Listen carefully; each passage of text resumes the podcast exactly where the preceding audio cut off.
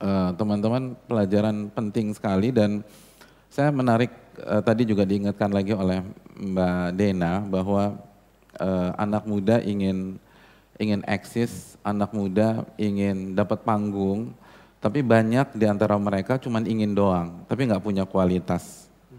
Akhirnya uh, terkesan sebagian orang bilang misalnya alay, terus lebay, terus ya ada micin dan seterusnya, iya kan? Iya, kenapa dikatakan micin kan filosofinya uh, shortcut gitu loh, nggak ingin melalui sebuah proses yang yang panjang. Maka karena micin itu apa sih? Micin itu kalau kita pengen buat masakan enak, nggak ngerti bumbu ah, dan nggak mau ribet apa namanya masak bumbu, maka shortcutnya adalah micin gitu loh. Nah, Adapun Ali bin Abi Thalib dan Usama bin Zaid enggak teman-teman sekalian. Mereka enggak ingin cari panggung, tapi karena mereka punya kualitas, mereka dikasih panggung sama Nabi SAW. Dan yang kasih Nabi loh, yang kasih Nabi SAW. Bukan bukan orang biasa aja. Di sana ada Utsman, di sana ada Umar, di sana ada Abdurrahman bin Auf, di sana ada Talha bin Ubaidillah dan lain-lain. Tapi yang Nabi kasih panggung adalah Ali bin Abi Thalib dan Usama bin Zaid. Jadi kalau kita ingin berkualitas, bangun kualitas diri kita. Orang yang sibuk membangun dirinya, itu nggak perlu cari panggung teman-teman. Jadi itu poin yang kemarin belum terlalu ditekankan dan saya ingin tekankan pada kesempatan kali ini karena lagi-lagi uh, anak muda adalah uh, bicara anak muda bicara panggung, bicara eksistensi, bicara show off, bicara ingin tampil, bicara uh, ingin mendapatkan pusat perhatian, uh, bicara subscribe dan lain sebagainya, bicara like, bicara followers, dan sebagian dari itu adalah uh, selain mungkin mendapatkan keuntungan, tapi di antaranya anak muda pengen eksis. Tapi cara yang paling elegan untuk eksis adalah memperbaiki diri sendiri, ikhlas kepada Allah, lalu poinnya bermanfaat bagi umat. Allah mengatakan wa amma ma yanfa'un nas fayamkuthu fil.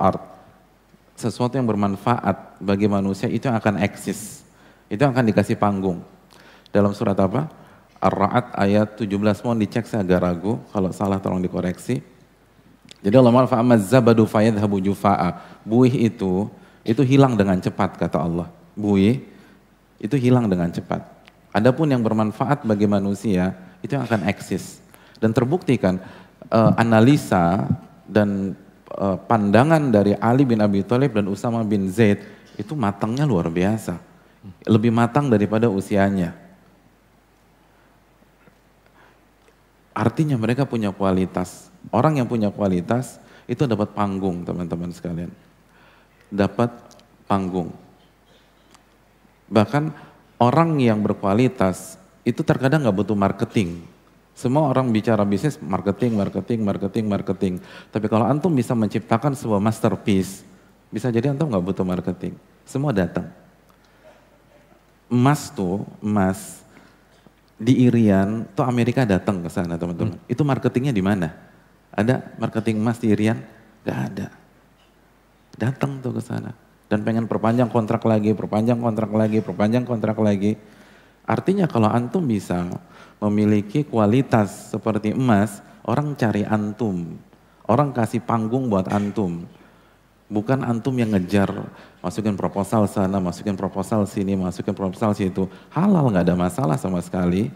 Tapi kita kan pengen lebih elegan dari hal tersebut. Artinya kenapa sih ribuan fresh graduated itu pengangguran atau susah banget ketika mencari pekerjaan, ketika interview ditolak sana, ditolak sini, tapi segelintir orang tanpa memasukkan proposal itu ditawarkan oleh beberapa perusahaan internasional dan dia bingung untuk menentukan pilihan. Pada saat teman, ribuan teman-temannya curhat karena nggak bisa bekerja, kondisi berat, daya beli turun, dia curhat ke temannya, gue milih yang mana ya? Yang ini salarinya 70 juta, yang ini 50 juta. Kenapa dia bingung? Karena dia punya kualitas teman-teman. Karena dia master class. Karena dia punya mahakarya. Oleh karena itu, anak muda zaman pas itu, Ali bin Abi Thalib dan Usama bin Zaid, itu mengajarkan kepada kita, kalau kita ingin uh, eksis dan mendapatkan panggung secara elegan, maka jangan mikirin cari panggung, tapi pikirkan bagaimana kita memperbaiki kualitas diri. Bagaimana kita memberikan manfaat kepada umat. Kalau umat dapat manfaat, itu panggung dikasih sama yang punya panggung Rabbul Alamin. Tanpa kita minta, tanpa kita ngemis, tanpa kita mengajukan proposal. Proposal datang ke kita. Dan itu yang terjadi di tengah-tengah anak muda zaman Nabi Wasallam. Sekali lagi mereka nggak uh, cari, mereka nggak mengendorse orang-orang terkenal pada zaman itu. Ali endorse siapa coba sehingga dipanggil Nabi SAW? Nggak ada. Nabi nggak minta antum uh, subscribe dia, tolong subscribe gue dong biar gue dipanggil Nabi SAW, nggak ada. Usama bin Zaid nggak punya sosmed, tapi sekali lagi mereka yang diincar oleh Nabi Shallallahu Alaihi Wasallam. Dan itu di semua bidang, nggak usah bicara bidang agama. Anda tanya, Messi itu mengajukan proposal ke Barcelona atau tim pencari bakat Barcelona nemuin dia. Gitu aja hadirin sekalian. Antum kan suka bola tuh. Jadi jangan hanya nontonnya, lihat filosofinya. Kalau nonton bolanya tinggal di YouTube, lihat tiga menit selesai masalah. Tim pencari bakatnya yang cari. Tim pencari bakatnya yang cari.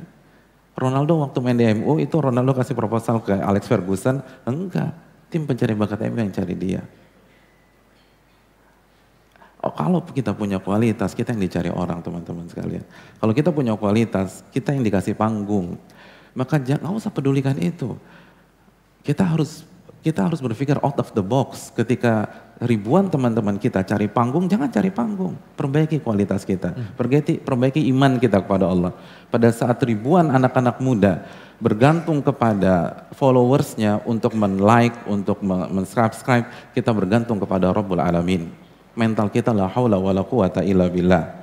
Mental kita iya karena budu wa iya karena stain. Ketika orang minta-minta untuk men-like dia, kita hanya minta kepada Allah. Idza sa'alta fas'alillah. Jika Anda meminta, minta kepada Allah. Jangan minta sama makhluk. Yang bikin kita stres itu kita ngarep sama makhluk, bergantung sama makhluk, bertumpu sama makhluk. Makanya para ulama klasik mengatakan zikrun nasi da wa zikrullahi dawa. Ingat sama manusia, bergantung sama makhluk. Itu penyakit tuh. Obatnya apa? Ingat sama Allah Subhanahu wa taala. Jadi jangan bergantung, kita urus jangan ngemis, jangan minta sana, jangan minta sini. Sujud kepada Allah, lalu perbaiki kualitas diri. Terus belajar, belajar, belajar, belajar, belajar. Latihan, latihan, latihan, latihan. Tajamkan, tajamkan dan tajamkan. Buat masterpiece. Dan namanya juga master nggak mudah. Namanya master itu berat. Makanya kan ada teori 10 ribu jam, sebagian pihak mengatakan demikian.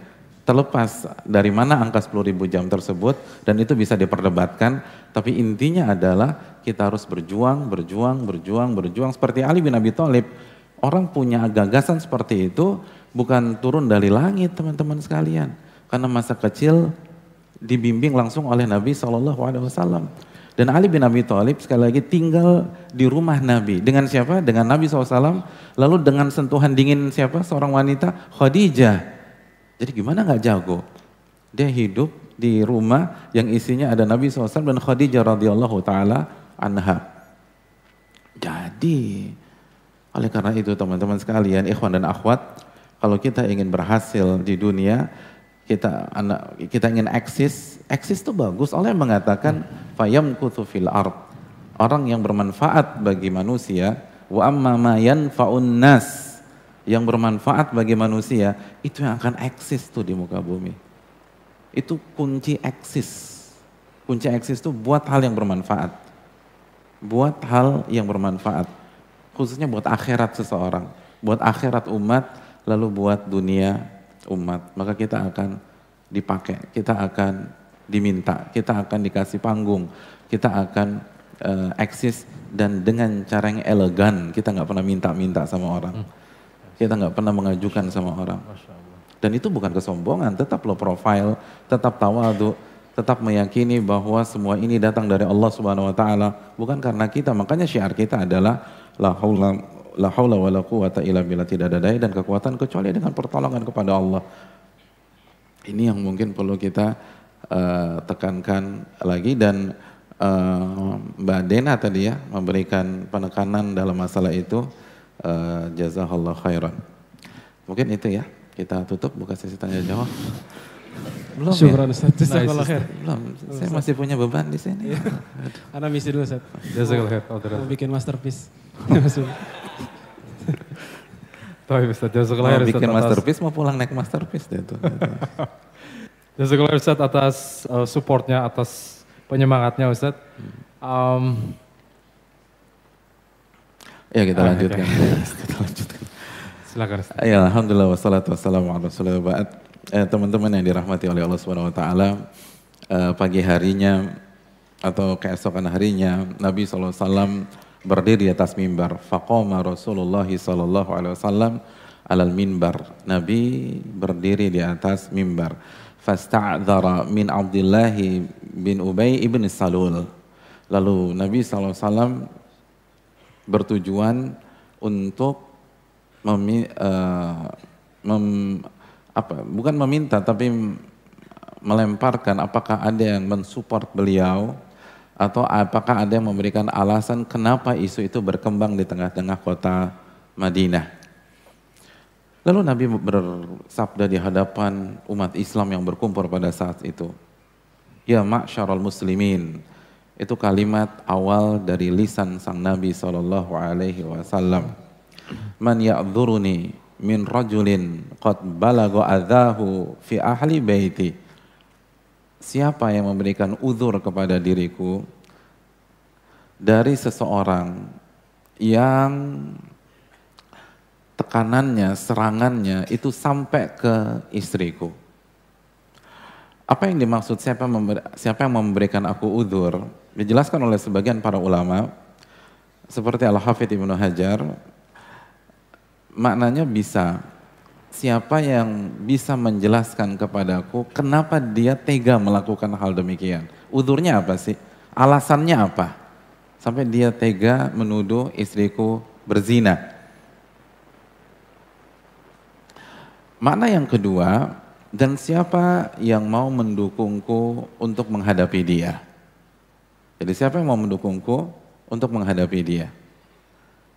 Walaupun sebagian ulama seperti Imam Nawawi menekankan makna yang kedua. Tapi secara bahasa dua-duanya bisa. Jadi bayangkan Nabi SAW udah separah itu masih nanya alasan dia apa sih? Gitu loh. Antum coba masih sempat nanya alasan nggak kalau antum digituin sama orang? Nabi masih nanya, siapa yang bisa jelaskan uzurnya apa? Karena kan kita tahu konsep orang Islam, konsep seorang muslim, faltamis li akhika sab'ina udhra. Kasih saudara kita 70 uzur. 70 uzur. Saudara tuh. Muslim. Yang dihadapi Nabi ini munafik. Nabi tahu siapa aktor intelektual di balik itu semua. Abdullah bin Ubay bin Salul. Dan dia munafik. Dan kita sudah jelaskan munafik itu bukan muslim. Orang munafik itu kufur. Karena Definisi munafik yang diyakini oleh Abdullah bin Ubay bin Salul adalah menyembunyikan kekafiran dengan casing muslim. Casingnya doang muslim, mesinnya ini kufur. Dan Allah mengatakan fidar kil asfali minan nar. Orang-orang munafik itu berada di kerak neraka dan selama-lamanya. Lebih pak dibakarnya, disiksanya lebih parah daripada orang-orang kafir. Ini ini munafik nih. Tapi Nabi masih nanya, siapa di antara kalian bisa kasih alasan kenapa dia tega begitu? Apa sih alasannya? Kalau munafik aja, Nabi bisa bilang begitu, masa saudara kita kita nggak bisa bilang begitu? Saudara kita nih, separah apa kesalahannya? Mungkin fatal, coba tanya kenapa dia begitu? Mungkin khilaf, mungkin lupa, mungkin emosi, mungkin lost control, mungkin dia punya udur yang kita nggak tahu. Mungkin orang tuanya sakit, anaknya sakit, mungkin dia nggak punya uang. Mungkin dia nggak nggak bisa bayar transport untuk ketemu kita, akhirnya dia nggak datang pada saat itu. Dan dia malu ngomongnya. Ini saudara kita nih muslim. Al ilmu rahimun baina ahli teman-teman sekalian. Ilmu itu buat kita saling menyayangi.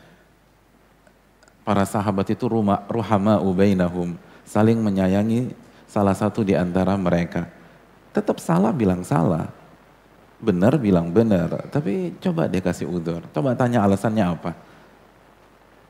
Dengan kita berusaha masuk dari sisi ini, kita akan lebih wise teman-teman, kita akan lebih dewasa. Jadi umur boleh muda, tapi pola pikir, paradigma itu harus dewasa.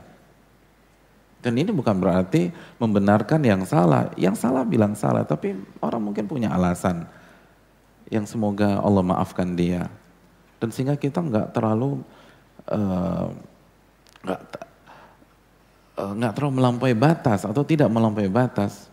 Kita tetap sayang sama saudara kita dan kita ingin nolong dia. Teman-teman sekalian, ini munafik. Munafik dan kesalahannya fatal. Menuduh istri beliau zina. Menuduh istri beliau zina. Tapi coba siapa di antara kalian bisa sampaikan kepada saya apa sih alasannya? Saya pengen tahu, saya pengen dengar. Gak hanya eksekusi aja. Coba kalau Nabi mau tinggal eksekusi selesai. Beliau punya kota Madinah kok. Sallallahu alaihi wasallam. Beliau punya pasukan. Sallallahu alaihi wasallam dan orang-orang munafik. Kenapa jadi orang munafik? Karena secara kekuatan kalah mereka. Munafik kan hanya ada pada zaman di kota Madinah.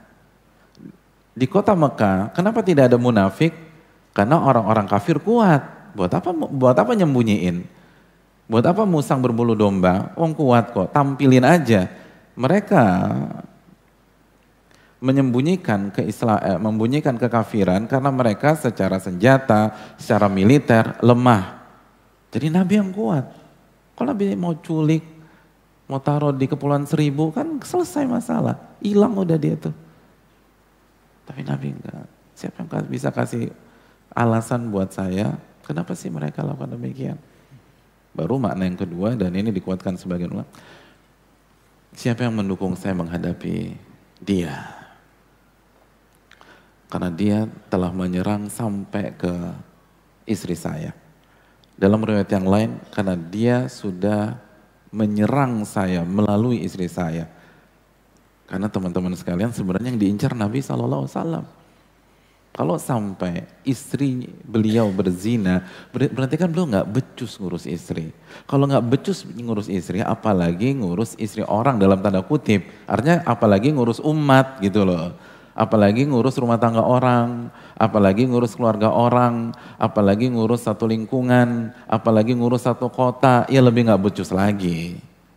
Oh istri aja nggak becus. Yang diserang Nabi SAW. Tapi orang kan nggak berani direct ke Nabi. Maka TikTok. Maka nyerangnya transit. Lalu Nabi SAW mengatakan, wa ma'alimtu ala ahli illa khaira. Dan aku tidak pernah mengetahui tentang istriku kecuali baik-baik saja. Jadi nggak ada, selama ini saya nggak melihat cacat dari Aisyah. Selama ini Aisyah nggak ada masalah, baik, semuanya baik.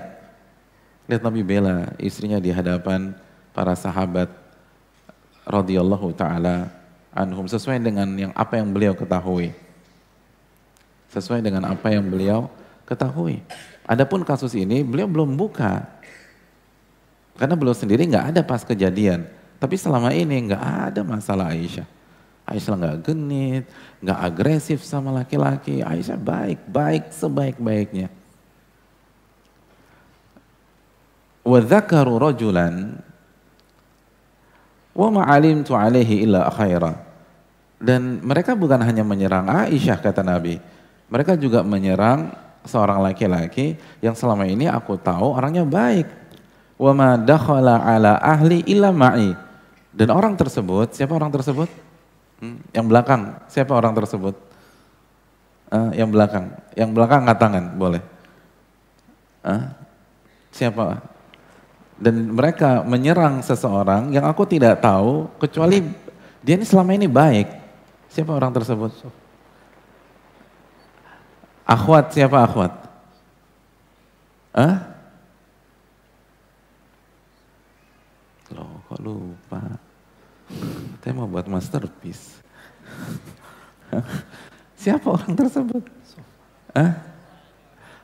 Hadirin, angkat tangan, hadapi satu lawan satu. Wow. siapa, siapa angkat? Yang belakang, yang belakang dulu, yang belakang. Hah? Ada. Masya Allah. Ini kita demen yang begini nih, tawadu. Nah, low profile, nggak mau menonjolkan diri. Masya Allah, zuhud gitu, Masya Allah. Nggak cari panggung, Oh. nggak ingin eksis. Iya, sibuk sama diri sendiri. Iya, iya, Oke, siapa aja siapa angkat tangan coba. Hah? Oh. Ini? Oh, Oh. ada. Ayo udah akhwat dulu. Oke, silakan. Ayo. Iya, kurang tepat. Yang lain. Kurang tepat, oh, ah. Antum. Waalaikumsalam. Sofan siapa? Sofan, ah? ah? Sabar. Iya, Sofan bin Mu'attal. Ukti Sofan bin Mu'attal, bukan Abu Bakar. Kan yang di, Aisyah emang dituduh zina sama Abu Bakar. Kan enggak, ini ayah sama anak. Aisyah dituduh zina sama Sofan. Dan ingat kata Nabi, wa ma dakhala ala ahli ila ma'i. Dan orang ini nggak pernah bertemu dengan istriku kecuali sama saya. Abu Bakar kan ayahnya. Kan nggak mungkin Nabi katakan Abu Bakar nggak pernah ketemu Aisyah kecuali sama saya. Ya terus yang pas lahiran usia satu sebulan, dua bulan, satu tahun, dua tahun, ya sama siapa? Jadi maksudnya Sofan bin Mu'attal. Jadi Aisyah dibela sama Nabi SAW dan Sofan dibela sama Nabi Wasallam. Jadi dua-dua sosok ini semua baik. Siapa yang ingin membelaku menghadapi mereka? Pada saat itu berdirilah Sa'ad bin Mu'ad. Sa'ad bin Mu'ad adalah salah satu sosok dari Aus. Kita tahu penduduk kota Madinah secara umum terbagi menjadi dua kelompok. Yang pertama Aus dan yang kedua Khazraj. Dan Aus dan Khazraj itu perang saudara terus. Baru damai ketika Nabi SAW masuk ke kota Madinah saat hijrah. Nah berkata, dan akhirnya mereka kompak, mereka bersaudara. Dan semua perang saudara itu berakhir. Nah Sa'ad bin Mu'ad, itu dari mana tadi? Dari Aus. Ketika melihat nabinya seperti itu, Sa'ad bin Mu'ad terenyuh dan langsung berbicara dan Sa'ad bin Mu'ad berkata, "Ana a'dzuruka ya Rasulullah minhu." Aku siap membela engkau menghadapi dia wahai Rasulullah. In kana minal aus darabna unuqah. Kalau orang itu berasal dari aus, kita penggal lehernya. Wa in kana min ikhwaninal khazraj amartana fafa'alna amrak. Tapi kalau dari khazraj, kamu tinggal bil, engkau, maaf, engkau tinggal bilang aja ke kami mau diapain, kita eksekusi dia. Itu kata Sa'ad bin Mu'ad. Begitu Sa'ad bin Mu'ad bilang demikian, Sa'ad bin Ubadah berdiri teman-teman. Dan Sa'ad bin Ubadah adalah tokoh besar Khazraj. Kata Sa'ad bin Ubadah, Wal, Wallahi la'amruka kadzabta. Atau. Demi Allah engkau telah berdusta. La taqtuluhu wa la taqdiru ala qatlih. Engkau tidak akan membunuhnya. Dan engkau tidak akan bisa membunuhnya. Aisyah mengatakan, saat bin Ubadah ini orang soleh. Tapi pada saat itu terbawa suasana fanatik kekobilahan. Teman-teman sekalian, aktor intelektual dari fitnah ini siapa? Siapa? Uh, yang menghembuskan fitnah ini siapa? Abdullah bin Ubay ibnu Salul. Dan Abdullah bin Ubay ibnu Salul dari Khazraj. Abdullah bin Ubay ibn Salul dari Khazraj. Jadi ketika Abdullah bin Ubay bin, Ubay bin Salul dari Khazraj, lalu Sa'ad bin Mu'ad yang notabene dari mana? Dari Aus, itu mengatakan kalau dari Khazraj engkau tila, tinggal bilang aja mau diapain tuh orang kita eksekusi. Ya tokoh Khazraj marah. Enak aja, ente nggak bisa eksekusi kaum kita dan nggak akan mampu mengeksekusi dia. La taqtuluhu wa la taqdir ala qatli. Kau nggak akan bisa mengeksekusi dia dan nggak akan mampu. Aisyah mengatakan terbawa suasana, orangnya baik, tapi terbawa suasana. Begitu, ini sama-sama sahabat nih teman-teman sekalian. Dan dibilang kadab tak bohong kamu. Itu depan forum tuh. Depan Rasul SAW. Langsung berdiri dan tokoh bukan anak muda. Tokoh, tokohnya Khazraj. Bohong Anda. Anda tidak membunuhnya dan tidak akan mampu membunuhnya. Karena dari Khazraj. Begitu melihat Sa'ad bin Mu'ad dibantah sama Sa'ad bin Ubadah, Usaid bin Hudair. Usaid bin Hudair ini sepupunya Sa'ad bin Mu'ad. Sepupunya Sa'ad bin Mu'ad. Itu mengatakan, Kadhab tawallah, wahai Sa'ad bin Ubadah. Kamu bohong demi Allah. Lanaqtulannah kita akan bunuh orang tersebut. Walaupun dari Khazraj maksudnya begitu. Mau dari mana kita akan bunuh. Kita bisa kok. Fahamu an yaktatilu. Akhirnya kondisi chaos. Gak terkontrol. Dan Aus dan Khazraj itu hampir perang saudara pada hari itu. Di hadapan Nabi Shallallahu Alaihi Wasallam Nabi ada di sana. Walam yazal yukhaffiduhum.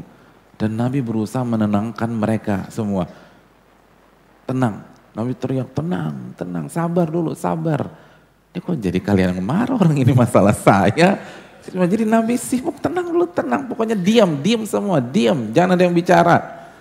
Fasakatu wasakat.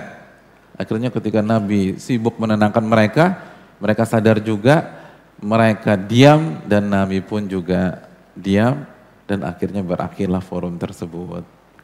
Rekan-rekan yang dirahmati oleh Allah Subhanahu wa taala.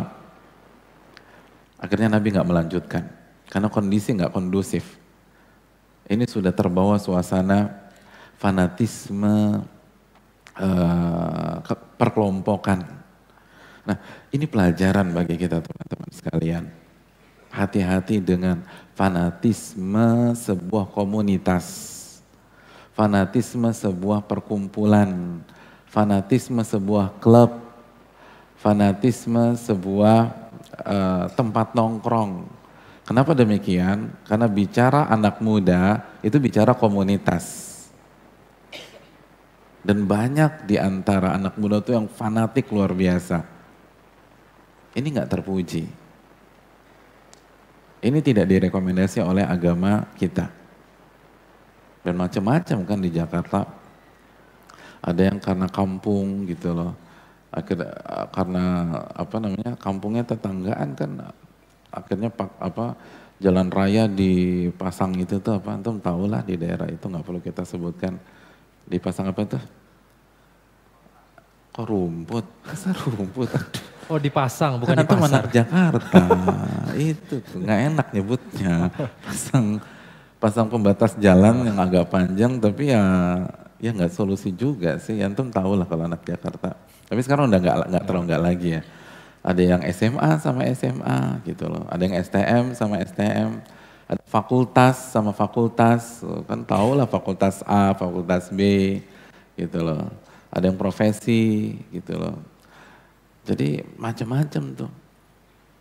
Yang klub mobil satu sama klub mobil satu, yang klub motor satu dengan klub yang motor satu, itu kadang-kadang nongkrongnya aja nggak mau gabung tuh. Padahal sama-sama motor. Jadi macam-macam teman-teman sekalian. Ini yang perlu kita waspadai.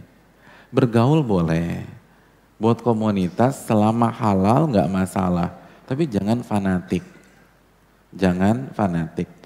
Emang anak muda dunia komunitas. Jangan fanatik pada tongkrongan, jangan fanatik sama merek mobil gitu loh. Kadang-kadang merek mobil fanatik, padahal antum juga nggak dapat fee juga. Antum bukan apa brand ambas brand ambasadornya. Akhirnya nggak boleh fanatik sama klub sepak bola gitu loh. Kadang-kadang saya suka ya heran sama apa uh, supporter fanatik gitu klub luar kalah Liga Champion aku antum yang nangis ngapain nangisin dia tuh gajinya per minggu miliaran antum nangisin itu dengan antum nangisin anak-anak di Palestina di Suriah di Irak itu gaji per minggu miliaran emang antum ditransfer berapa sih kan gak ditransfer juga tapi ya Allah nangisnya galau nggak masuk kampus. Bayangkan, besoknya nggak masuk kampus. Luar biasa. Iya. Ngapain tuh? Itu buat apa seperti itu? Dan beberapa waktu beberapa waktu yang lalu kan sampai mati tuh gara-gara beda kesebelasan. Mati subhanallah. Sampai nazar nggak mau makan makanan khas daerah tersebut gitu loh ngapain tuh Kesian. Iya kan, antum tahu lah, nggak perlu kita sebut. Jadi suka main bola, main bola main silakan tapi jangan fanatik begitu. Jangan fanatik. Fanatik itu nggak bagus. Fanatik itu nggak boleh. Dan pasti akan chaos. Loh, ini apa ini kan Sa'ad bin Mu'ad, Sa'ad bin Ubadah, Usaid bin Hudair. Ini kan orang-orang yang kuat agamanya. Itu aja ke bawah suasana, itu hampir chaos. Ya apalagi yang gak pernah ngaji, yang gak pernah sholat. Jangan, jangan fanatik teman-teman sekalian. Bergaul boleh, punya komunitas boleh. Tapi jangan fanatik. Ini hal penting. Dan yang perlu ditekankan khususnya termasuk komunitas-komunitas dakwah. Komunitas-komunitas agama. Komunitas-komunitas yang dalamnya anak-anak ngaji misalnya. Komunitas hijabers, jangan fanatik. Dan ini penting.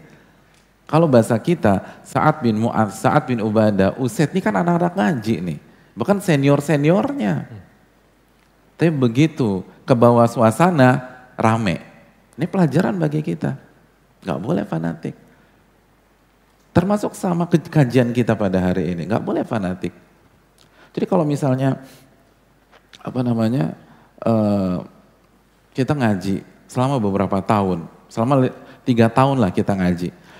Nah hasil dari tiga, ta tiga tahun, antum fanatik sama saya, maka kajian kita gagal. Gagal kajian kayak gitu pengajian itu bukan membuat orang fanatik kepada pematerinya. Kajian itu membuat orang fana, orang tuh komit kepada Robnya subhanahu wa ta'ala. Kepada nabinya sallallahu alaihi wasallam. Begitu. Gak boleh demikian. Jangan fanatik. Ini cuma sarana. Semua sarana. Bisa kita berusaha melakukan yang terbaik, bisa salah, bisa khilaf. Itu itulah manusia. Kalau salah bilang salah. Dan gak boleh fanatik. Karena kasus ini, ini pelajaran banget buat kita nih teman-teman sekalian. Dan ini terjadi kan. Dan ini perlu ditekankan kenapa? Karena orang yang lebih berilmu dari kita sempat terbawa suasana fanatisme. Ya kita tahu lah fanatisme di dunia antar madhab beberapa tahun atau beberapa dekade silam. Itu kan sempat terjadi. Tidak boleh seorang wanita madhab A menikah dengan wanita eh, laki-laki madhab B. Jadi kias ke mana? Ke ahli kitab, bayangkan. Saya nggak perlu sebutkan madhabnya. Dan itu udah lama memang. Ada di sebuah masjid, sholat duhurnya empat kloter. Karena madhabnya empat. Jadi kloter pertama imamnya madhab A, makmumnya semua madhab A. Imam ke, uh, kloter kedua imamnya madhab B, semuanya madhab, imam, makmumnya madhab B. Dan itu terjadi, itu real. Dan mereka bukan orang-orang gak ngerti, bukan Islam abangan. tapi terbawa. Dan itu aja para imam-imam mereka udah wanti-wanti itu. Jangan fanatik, jangan fanatik, jangan fanatik. Tetap kejadian di sebagian dari mereka. Semua bicara. Imam Abu Hanifah mengatakan idza sahal hadis fahuwa madhabi. Jika hadis ini sahih ini madhabku. Imam Malik pun juga mengatakan kullu qawlin yu'khadh wa yutrak ila sahibi hadzal maqam. Setiap pandangan bisa diambil dan bisa ditolak kecuali yang dikubur di kuburan ini sambil menuju kuburannya siapa? Rasulullah sallallahu alaihi wasallam. Itu Imam Malik. Imam Syafi'i mengatakan idza khalafa qawli qala Rasul fadribu biqali ardal haid. Apabila ucapanku, pandanganku bertentangan dengan sunnah Rasul, buang aja pandanganku ke tembok. Imam Ahmad mengatakan la tuqalliduni. Jangan taklid buta sama saya. Jangan fanatik sama saya. Empat imam madhab itu wanti-wanti, jangan fanatik, jangan fanatik, jangan fanatik. Tapi yang terjadi apa? Sebagian tetap terjatuh ke dalam kefanatikan. Kita katakan semuanya, masih banyak ulama kita yang objektif, yang uh, apa namanya, yang bersih dari itu. Tapi ada sebagian semua mengakui masa itu ada. Dan termasuk hari ini, Sebagian mengatakan jangan fanatik sama Imam Malik, jangan fanatik sama Imam Abu Hanifah, jangan fanatik sama Imam Syafi'i, jangan fanatik sama Imam Ahmad, tapi tanpa sadar dia fanatik sama gurunya. Ya sama aja. Justru kalau mau fanatik mendingan fanatik sama Imam Syafi'i daripada sama guru kita. Karena lebih alim Imam Syafi'i ribuan kali, lebih bertakwa Imam Syafi'i ribuan kali, lebih berilmu Imam Syafi'i ribuan kali. Tapi terjebak dengan fanatisme warna baru dan kita nggak usah urus orang, kita lihat diri sendiri. Kita bicara tentang diri kita, bukan bicara tentang saudara kita. Hati-hati dengan fanatisme. Anak, khususnya anak muda, itu harus objektif teman-teman sekalian. Harus objektif. Lihat Aisyah radhiyallahu taala anha. Masukan dari Ali bin Abi Thalib, apa pun alasannya nggak enak bagi seorang wanita. Walaupun Ali bin Abi Thalib ceraikan sampai suasana reda, terus rujuk kembali. Kita tanya para akhwat di belakang, masukan itu enak nggak di telinga para wanita? Nggak enak, semua nggak enak tuh. Udah nikah belum? Belum. Kok tahu nggak enak? Nih, yang belum nikah aja tahu nggak enak. Itu belum nikah tuh. Nggak ada, gimana enak? Di saat butuh support dari orang-orang terdekatnya, di, di saat perlu mereka butuh pelukan dari orang-orang terdekatnya, di saat seorang wanita butuh belayan dari suami terus ada nasihat udah ceraiin aja nih perempuan banyak tunggu reda rujuk lagi setelah itu nggak enak tapi Aisyah objektif yaitu pandangan Ali saya hargai begitu ada yang nanya mau bayat ke siapa ilzam alian anda pegang Ali bin Abi Thalib Aisyah ini luar biasa teman-teman sekalian Aisyah itu saudaranya Muhammad bin Abi Bakar itu terbunuh oleh siapa? Terbunuh oleh siapa? Terbunuh oleh Muawiyah ibnu Khudaij. Sebagian orang salah paham. Sebagian orang berpikir yang membunuh adalah Muawiyah bin Abi Sofyan dan itu keliru. Nama depannya aja sama, Muawiyah ibnu Khudaij.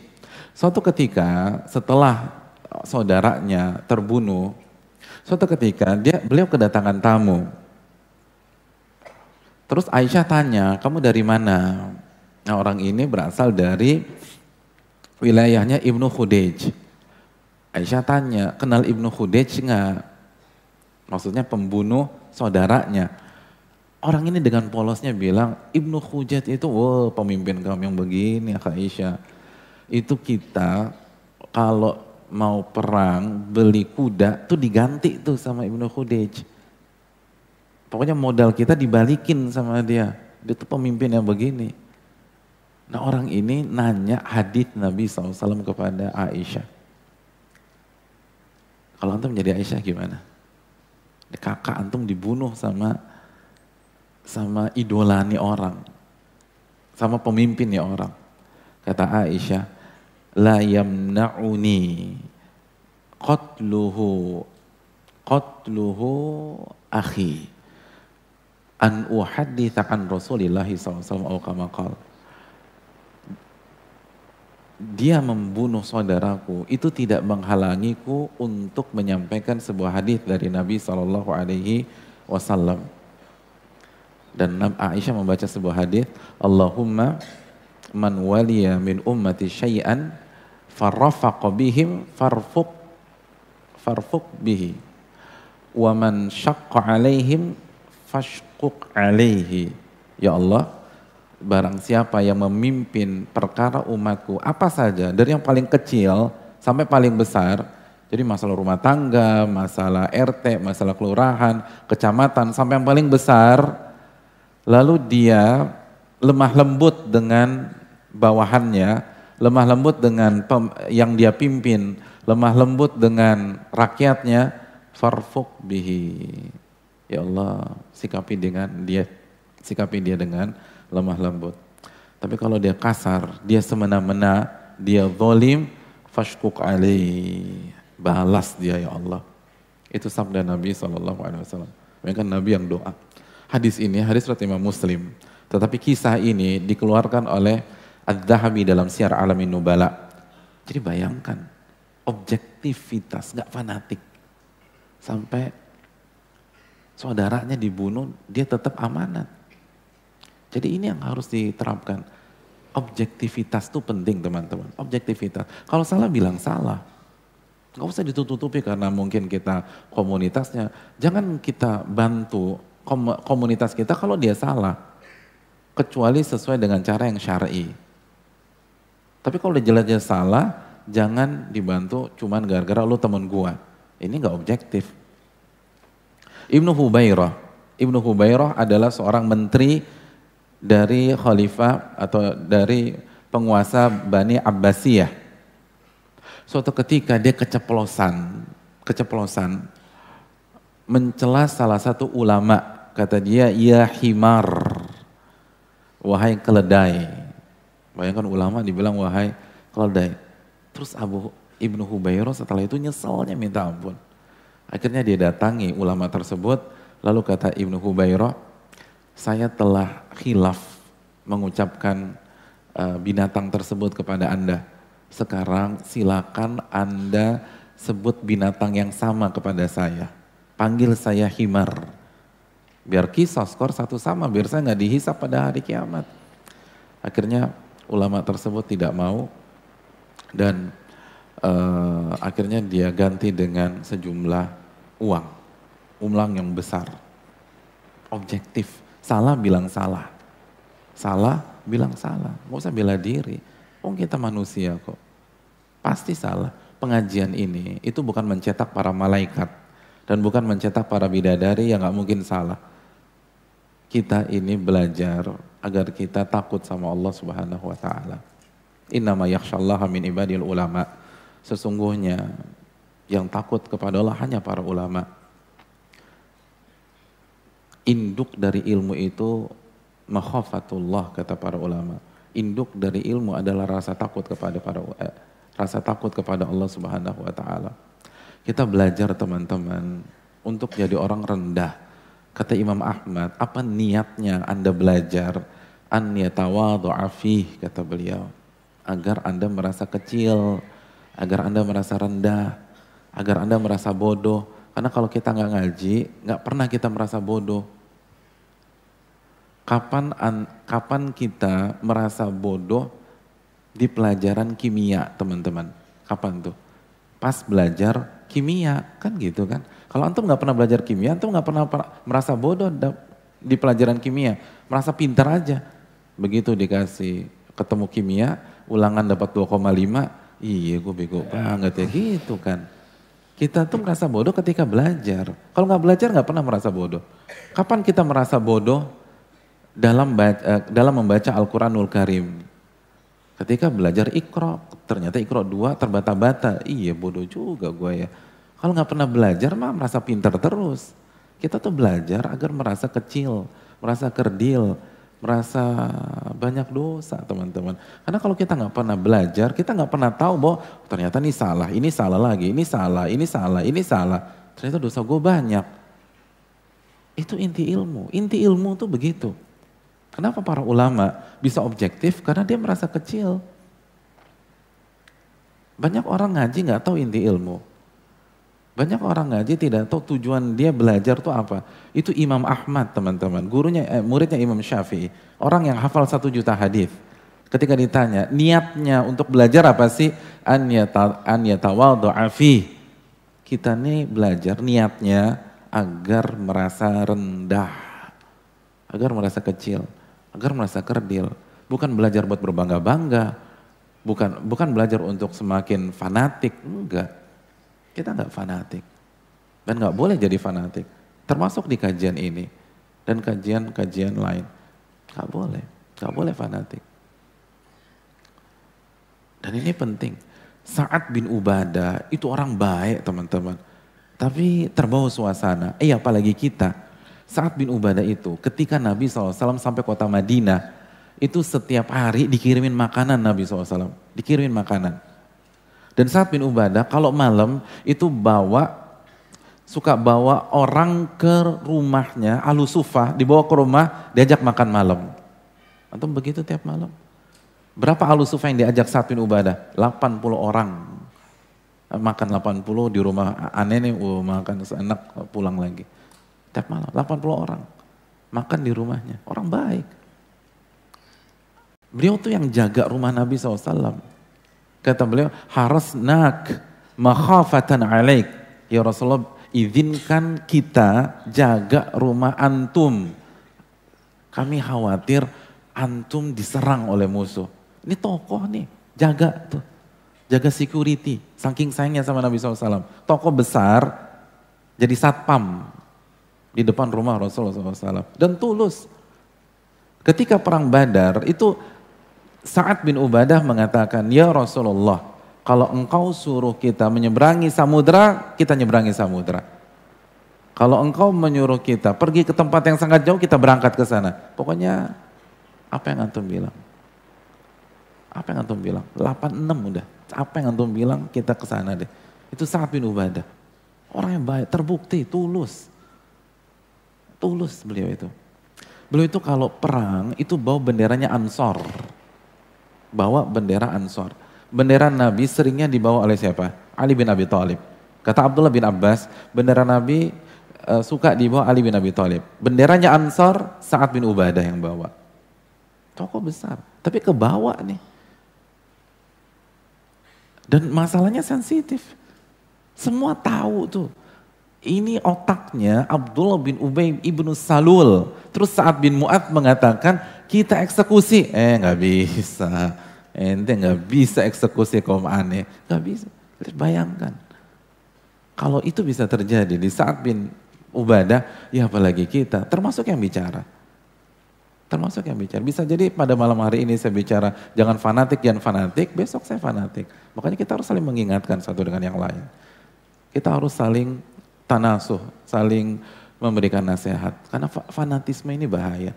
Salah satu yang menghancurkan umat ini fanatisme dengan kelompok masing-masing. Dan kita nggak mau ngomongin orang, ini mulai dari kita aja deh. Para ulama kita, Imam Syafi'i sebagaimana yang dikeluarkan dalam kitab Al-Faqih Mutafaqih. Al-Faqih Mutafaqih uh, buku usul fikih uh, cukup klasik. Di situ Imam Syafi'i pernah mengatakan, "Ma ukal lam ukallim ahadan illa wala ubali. Tidaklah aku berbicara dengan seseorang muslim dan tidaklah aku berdiskusi dengan seorang muslim, tidaklah aku berdebat dengan seorang muslim kecuali aku nggak peduli apakah Allah jelaskan kebenaran dari lisanku atau lisan lawan bicaraku. Aku nggak peduli. Yang penting pas bubaran kebenaran yang nampak. Mau dari saya, mau dari dia terserah. Mau dari saya atau mau dari dia kalau dari dia berarti yang salah siapa? Imam Syafi'i. Saya nggak peduli saya salah. Yang penting pulang oleh-olehnya kebenaran. Allahu Akbar. Kita butuh jiwa-jiwa seperti itu. Kalau kita semua punya jiwa-jiwa seperti itu, itu insya Allah hidup tuh enak banget teman-teman. Objektivitas. Dan objektivitas itu mahal. Di zaman Imam Malik aja, objektivitas itu barang langka. Kata Imam Malik, Al-insaful yawma qalil. Objektivitas pada hari ini itu sangat langka. Atau dalam riwayat yang lain, aqalla min indin nas Salah satu barang langka yang masih ada di tengah-tengah masyarakat itu objektivitas kata beliau.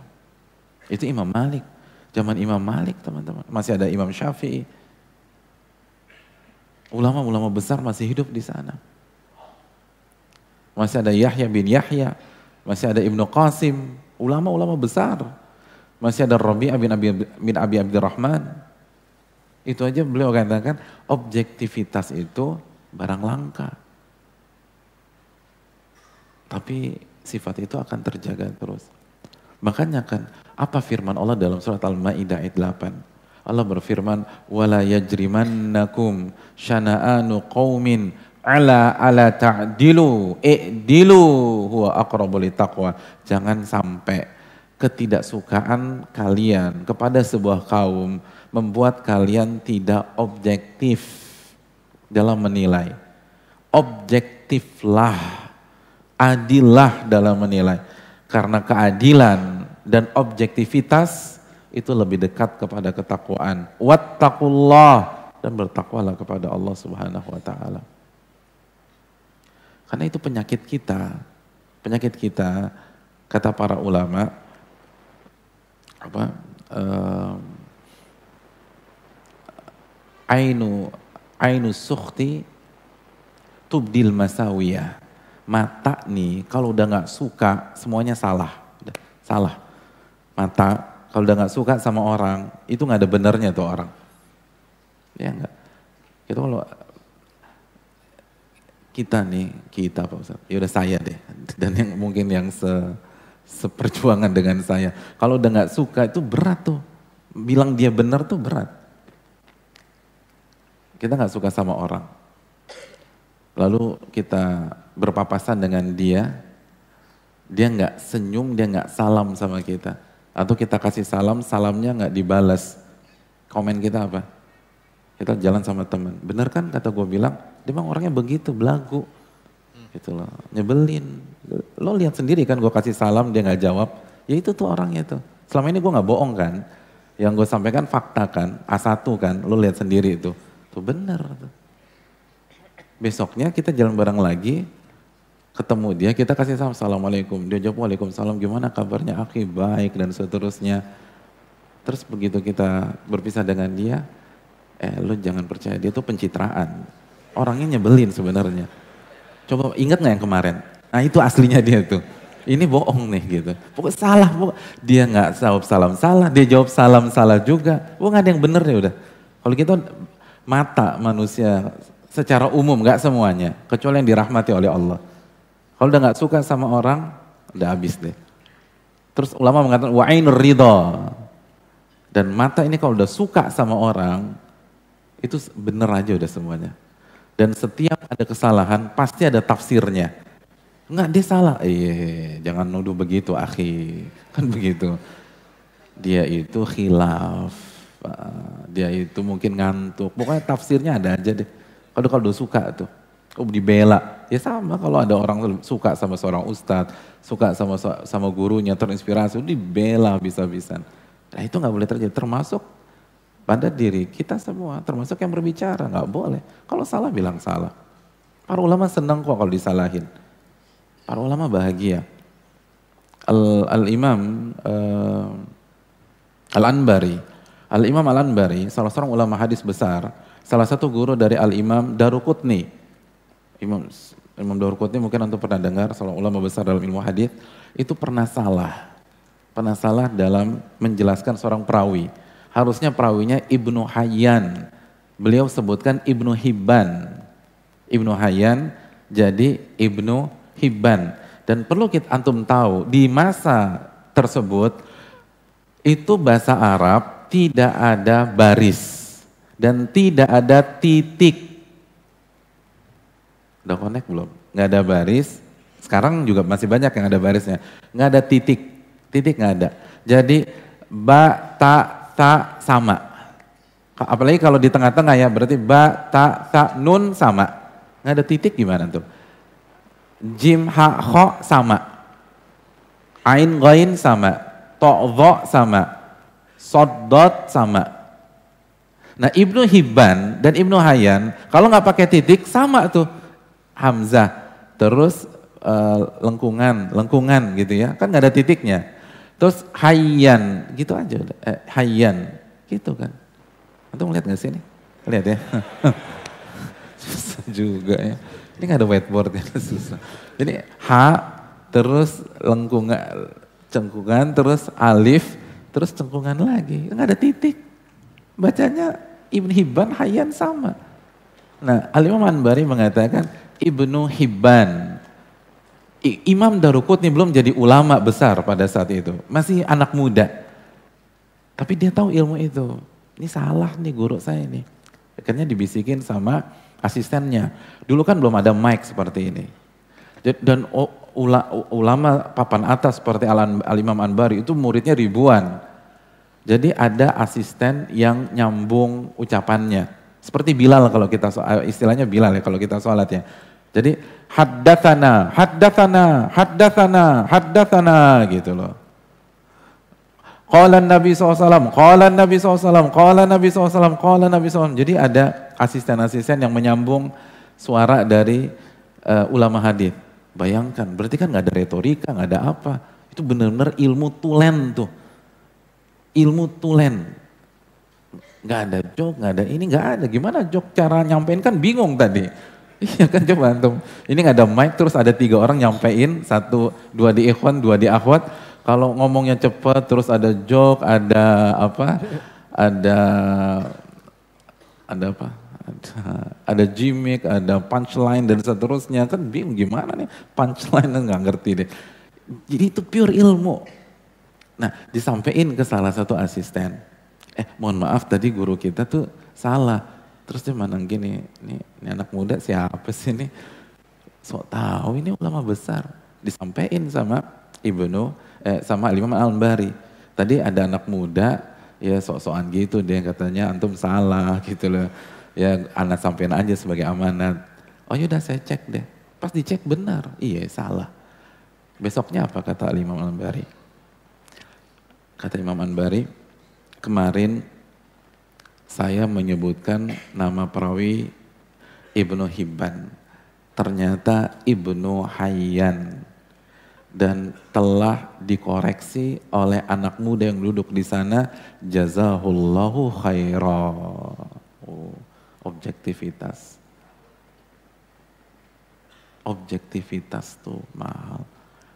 Dan disebutin sama Liman Bari. Jadi luar biasa, beliau ngaku salah nih, beliau ngaku salah. Dan beliau sampaikan. Padahal kalau beliau mau tricky bisa teman-teman. Kalau mau tricky bisa. Buat aja kuis di besoknya. Siapa nama perawi kemarin? Antum, Ibnu Hibban. Salah. Antum, Ibnu Hibban, eh, salah. Antum Ibnu Hibban, salah. Ini nggak pakai korek kuping kemarin ya, kan bisa. Padahal yang benar tuh Ibnu Hayyan. Oh, Ibnu Hayyan, tulis gitu kan? iya. Kalau bisa, ini gimana sih nggak pinter-pinter? Udah ngajarin dari dulu, nggak berubah-berubah. Makanya kalau guru diktein denger, nyatet. Eh, coba antum, bisa kan begitu? Bisa, padahal dia yang salah. Tapi kan kalau mau triki bisa, dia gurunya, dia ulamanya, bisa, tapi nggak mau. Terus ditunjukin yang mengkoreksi, ditunjukin. Padahal kalau beliau mau triki bisa. Uh, kemarin mohon maaf, sebenarnya Ibnu Hayyan, tapi saya ucapkan Ibnu Hibban, itu kepleset lidah. Ya namanya juga manusia, maksud hati ingin Ibnu Hayyan, tapi lidah bilang Ibnu Hibban, mohon dikoreksi. Bisa kan. Tapi, karena kan yang koleksi anak kecil nih. Dulu ulama besar, anak kecil yang koreksi. Tapi apa adanya, itu tuh yang koreksi saya. Tuh anak muda di situ. Jazakallah khairah. Makasih banyak. Semoga Allah kasih pahala buat dia. Itu dunia ilmu teman-teman. Mental itu yang dididik di majelis ilmu. Mental itu yang dididik dan dibangun di dunia dakwah Bukan mental menang-menangan, bukan mental fanatisme. Dan kita harus mulai dari diri kita. orang lain husnudon sama saudara kita, kita husnudon kita nih. Kita harus bangun mental seperti itu. Mental objektivitas. Ini ngaji Aisyah berseri-seri, mental harus kayak Aisyah radhiyallahu taala anha. Dan uh, teman-teman yang di mana oleh karena itu hati-hati dengan fanatisme di dunia pergaulan, di dunia uh, kelompok, di dunia komunitas, di dunia hobi. Hati-hati, bergaul boleh tapi jangan fanatik. Dan ini yang bisa disampaikan. Dan pada pertemuan yang akan datang, insya Allah kita akan masuk ke dialog yang banyak ditunggu-tunggu oleh orang. Untuk pertama kali uh, Nabi SAW berdialog dengan Aisyah radhiyallahu taala anha. Dan kita mendekati ending dari cerita ini dan banyak hikmah yang besar di balik dialog tersebut. Kita akan bahas di Rabu depan insyaallah taala wasallallahu ala nabiyina Muhammad. Jazakallah khair Ustaz. Ya. Barakallahu fiik. Silakan. Bagi brothers and sisters yang ingin uh, bersoal jawab dengan pemateri kita Ustaz Zulfikri Hafidhullah Ta'ala. Iya, brothers and sisters yang mau meninggalkan tempat karena satu uzur, kami mohon untuk tetap tenang dan tidak melewati area kamera. Mohon maaf yang ada di tengah tetap menunduk karena live streaming tetap berlangsung. Silakan sisters yang mau bertanya. Ya, Silakan. sisters yang mau bertanya, silakan. Dan kita harapkan pertanyaan masih sesuai dengan tema Ya. ya. Masih sesuai dengan tema akan dan uh, agar kita bisa kita kerucutkan kembali pembahasan kita pada Ya, malam hari. ya ini. maaf eh, teman-teman yang ingin berdiri Yang ada di tengah yang mohon tetap sejurus dengan kamera untuk eh, menjaga ketika berdiri. Dan yang tidak ada uzur terlalu penting untuk tetap duduk di sini tuh manfaatnya akan sangat besar. Ya. Oke kita langsung saja pertanyaan sisters. Ada? Sisters dulu silakan. Kalau nggak ada, oke. Waalaikumsalam. Waalaikumsalam warahmatullahi Dengan siapa? Nama saya Jufa dari Bekasi. Ya Tifa silakan. Eh, sebelum masuk pertanyaan saya ingin menyampaikan terima kasih syukron kepada Ustadz atas sharing ilmunya dari part 1 sampai 7 ini eh, tentang hadis satu ifki eh, merupakan sebuah teladan buat kita di sini eh, supaya istiqomah dalam setidaknya mencari ilmu dan merupakan tabungan akhirat mudah-mudahan buat kita di sini amin. Amin. Amin. Amin. Terus. saya ingin bertanya berkenaan dengan hadis satu Rifki. Uh, Pernah disebutkan uh, dalam satu part, Ustadz berkata uh, tentang suamimu adalah uh, surgamu atau nerakamu Ya. uh, untuk istri. Nah, uh, saya ingin bertanya uh, tentang suami yang seperti apa sih uh, yang sekiranya akan menjadi penentu surga atau neraka dari seorang istri. Karena uh, kalau misalnya kita lihat kan uh, dan berdasarkan kajian-kajian sebelumnya juga uh, akan sulit memang buat uh, Ikhwan untuk meniru sifat Nabi uh, di samping kita sebagai uh, is- ahwat istri atau calon istri yang belum menikah uh, mendoakan uh, suami kita seperti itu. Makasih Ustaz. Yang Assalamualaikum warahmatullahi wabarakatuh. Apa belum menikah? Ada yang sudah menikah dan yang belum menikah Ustadz untuk Ah, bisa iya. menerapkan. Hmm. Ya terima kasih Tifa dari Bekasi Ustadz. Masya Allah ya. Silakan Ustadz. Iya terima kasih Mbak Tifa atas akhlak dan adabnya dan semoga kita semua diberikan ilmu yang bermanfaat. Eh, ilmu yang menjadi penolong kita pada hari kiamat bukan bumerang bagi kita. Amin. Eh, beliau eh, mensitir sebuah hadis ya dibawakan Imam Suyuti juga dalam Jami Sogir fa innahu jannatuki au naruk unduri aina anti minhu lihatlah bagaimana suami kamu menilaimu karena suamimu itu surgamu atau nerakamu lalu pertanyaannya tadi suami yang seperti apa ya karena eh, seorang ikhwan pun sulit menjadi seperti Nabi SAW. Ini menarik nih, jadi yang diserang nih ikhwannya. Iya, iya. Seba- sebagaimana akhwat pun sulit Iya. meniru Aisyah radhiyallahu taala anha Ustaz. Eh, Enggak, pertanyaannya cerdas Oh, iya, iya, iya, Karena cerdas, kalau Ustaz. pertanyaan mainstream, Iya. yang sering pengalaman saya yang terbatas di dunia dakwah ya.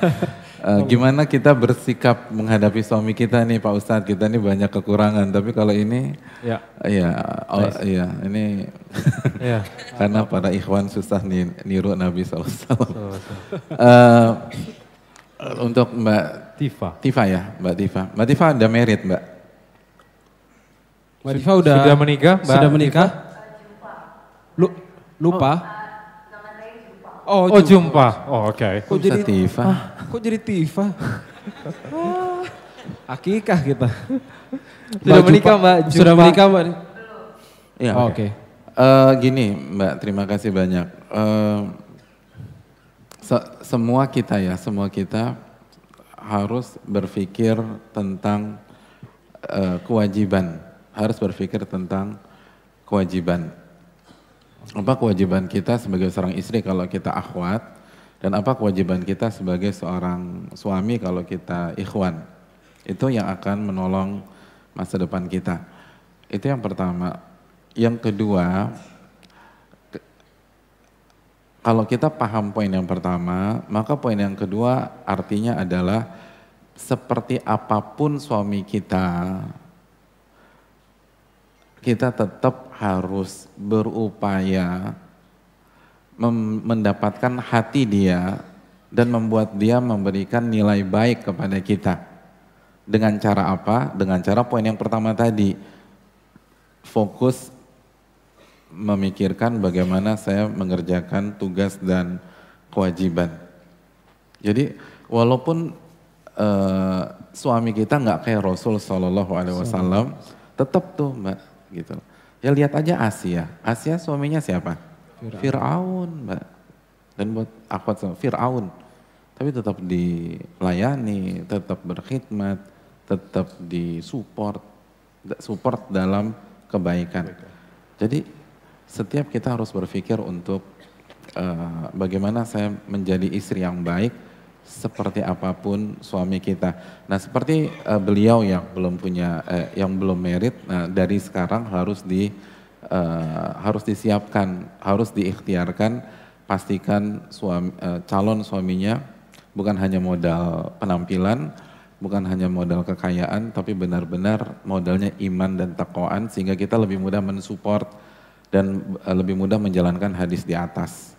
Tapi kalau sudah merit atau pas merit ternyata nggak seindah eh, nggak seindah taarufnya, maka betapapun eh, kekecewaan kita atau berapapun minusnya, kita tetap harus berpikir apa yang harus saya kerjakan sebagai seorang istri. Pembahasan masalah ini panjang, mungkin ada waktunya kita bahas di bab khusus bab nikah, tapi itu poinnya. Dan ya, jangan lupa berdoa kepada Allah Subhanahu wa taala karena eh, walaupun secara teori mudah menjadi seorang istri atau suami yang benar-benar ideal itu sangat berat. Allah taala bisa mungkin itu. Khair. Jazakumullah khair. Mungkin itu Mbak Jupa, mudah-mudahan eh, mewakili ya pertanyaannya. Ya. Mungkin itu. Silakan di belakang tadi lebih dulu angkat tangan ya. Silakan nama dan Ya, dan Asal- insya Allah, ya, dan insya Allah ini adalah pertanyaan terakhir be- untuk kita di atas sini. Insya Allah kita akan lanjutkan di bawah. area bazar. Di area bazar insya Allah masih ada sesi untuk brothers and sisters. Iya, waalaikumsalam warahmatullahi wabarakatuh. Maaf tadi Gak apa-apa. Gak apa-apa dimaafkan, silakan. Makasih. Eh, Makasih. Uh, Ustadz Silakan. pada dapat sebelumnya. Nah, uh, maaf namanya siapa? Nama saya Arif dari BSD. Oke Arif, silakan Arif. Eh, berkaitan dengan pas sebelumnya Ustadz menyampaikan akan pentingnya birrul walidain yaitu ibroh yang diambil dari Abu Bakar ketika menangis dan Aisyah menangis gitu kan. Dan di lain kesempatan saya pernah mendengarkan tausiah Ustadz berkenaan dengan eh, ulama yaitu Ibnu Sirin yaitu akan birrul walidain beliau yaitu beliau ketika dengan ibunya itu merendahkan suaranya sampai dianggap oleh sahabat-sahabatnya seperti Ibnu Sirin sedang sakit gitu Ustaz.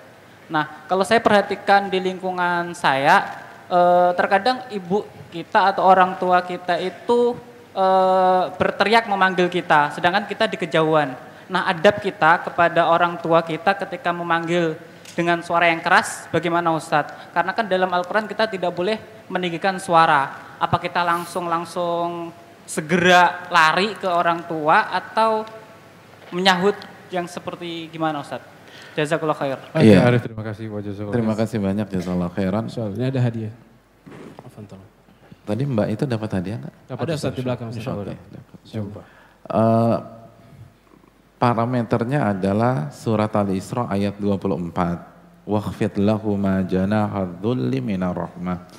Dan turunkan kepakan sayap kalian di hadapan orang tua kalian karena sayang kepada mereka.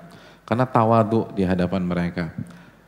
Adapun penerapan ayat ini itu dikembalikan kepada urf masing-masing dan kondisi masing-masing. Jadi konsep ini itu dituangkan ke budaya masing-masing, kultur masing-masing, kebiasaan masing-masing. Jadi sikap seperti apa sih yang menunjukkan ketawaduan di hadapan orang tua, maka itu yang diinginkan Allah dalam surat Al-Isra ayat 24. Jadi kalau kita suara kecil akhirnya ibu kita nggak dengar, terus terus manggil-manggil, bahkan semakin marah sama kita, ya jangan suara kecil gitu loh. Jangan suara kecil. Jadi ini kembali kepada urf. Apa kebiasaan ibu antum dan apa yang ibu antum suka. Tapi intinya adalah bagaimana kita bersikap rendah di hadapan orang tua kita. Bahkan sebagian apa sebagian masyaikh atau saya pernah mendengar bukan sebagian salah satu ahli ilmu itu mengatakan kalau anda punya tiga supir atau empat supir dan ibu anda ingin pergi atau ayah anda ingin pergi dan anda lagi ada waktu jangan suruh supir nyupirin ibu anda anda yang supirin. Jadi tawaduk lah jangan jangan jadi layanin tuh anda yang supirin jadi Anda yang merendah di hadapan mereka. Ya, karena sebagaimana kalau kalau suruh supir bagus, tetapi beda kualitas merendahnya dibandingkan bosnya yang nyupirin jika mamanya mau keluar dan pakai mobil tersebut. Jadi apa pun yang menunjukkan kerendahan itu lakukan di hadapan orang tua. Mungkin itu terima kasih. Terima kasih Ustaz Jazakallah khair.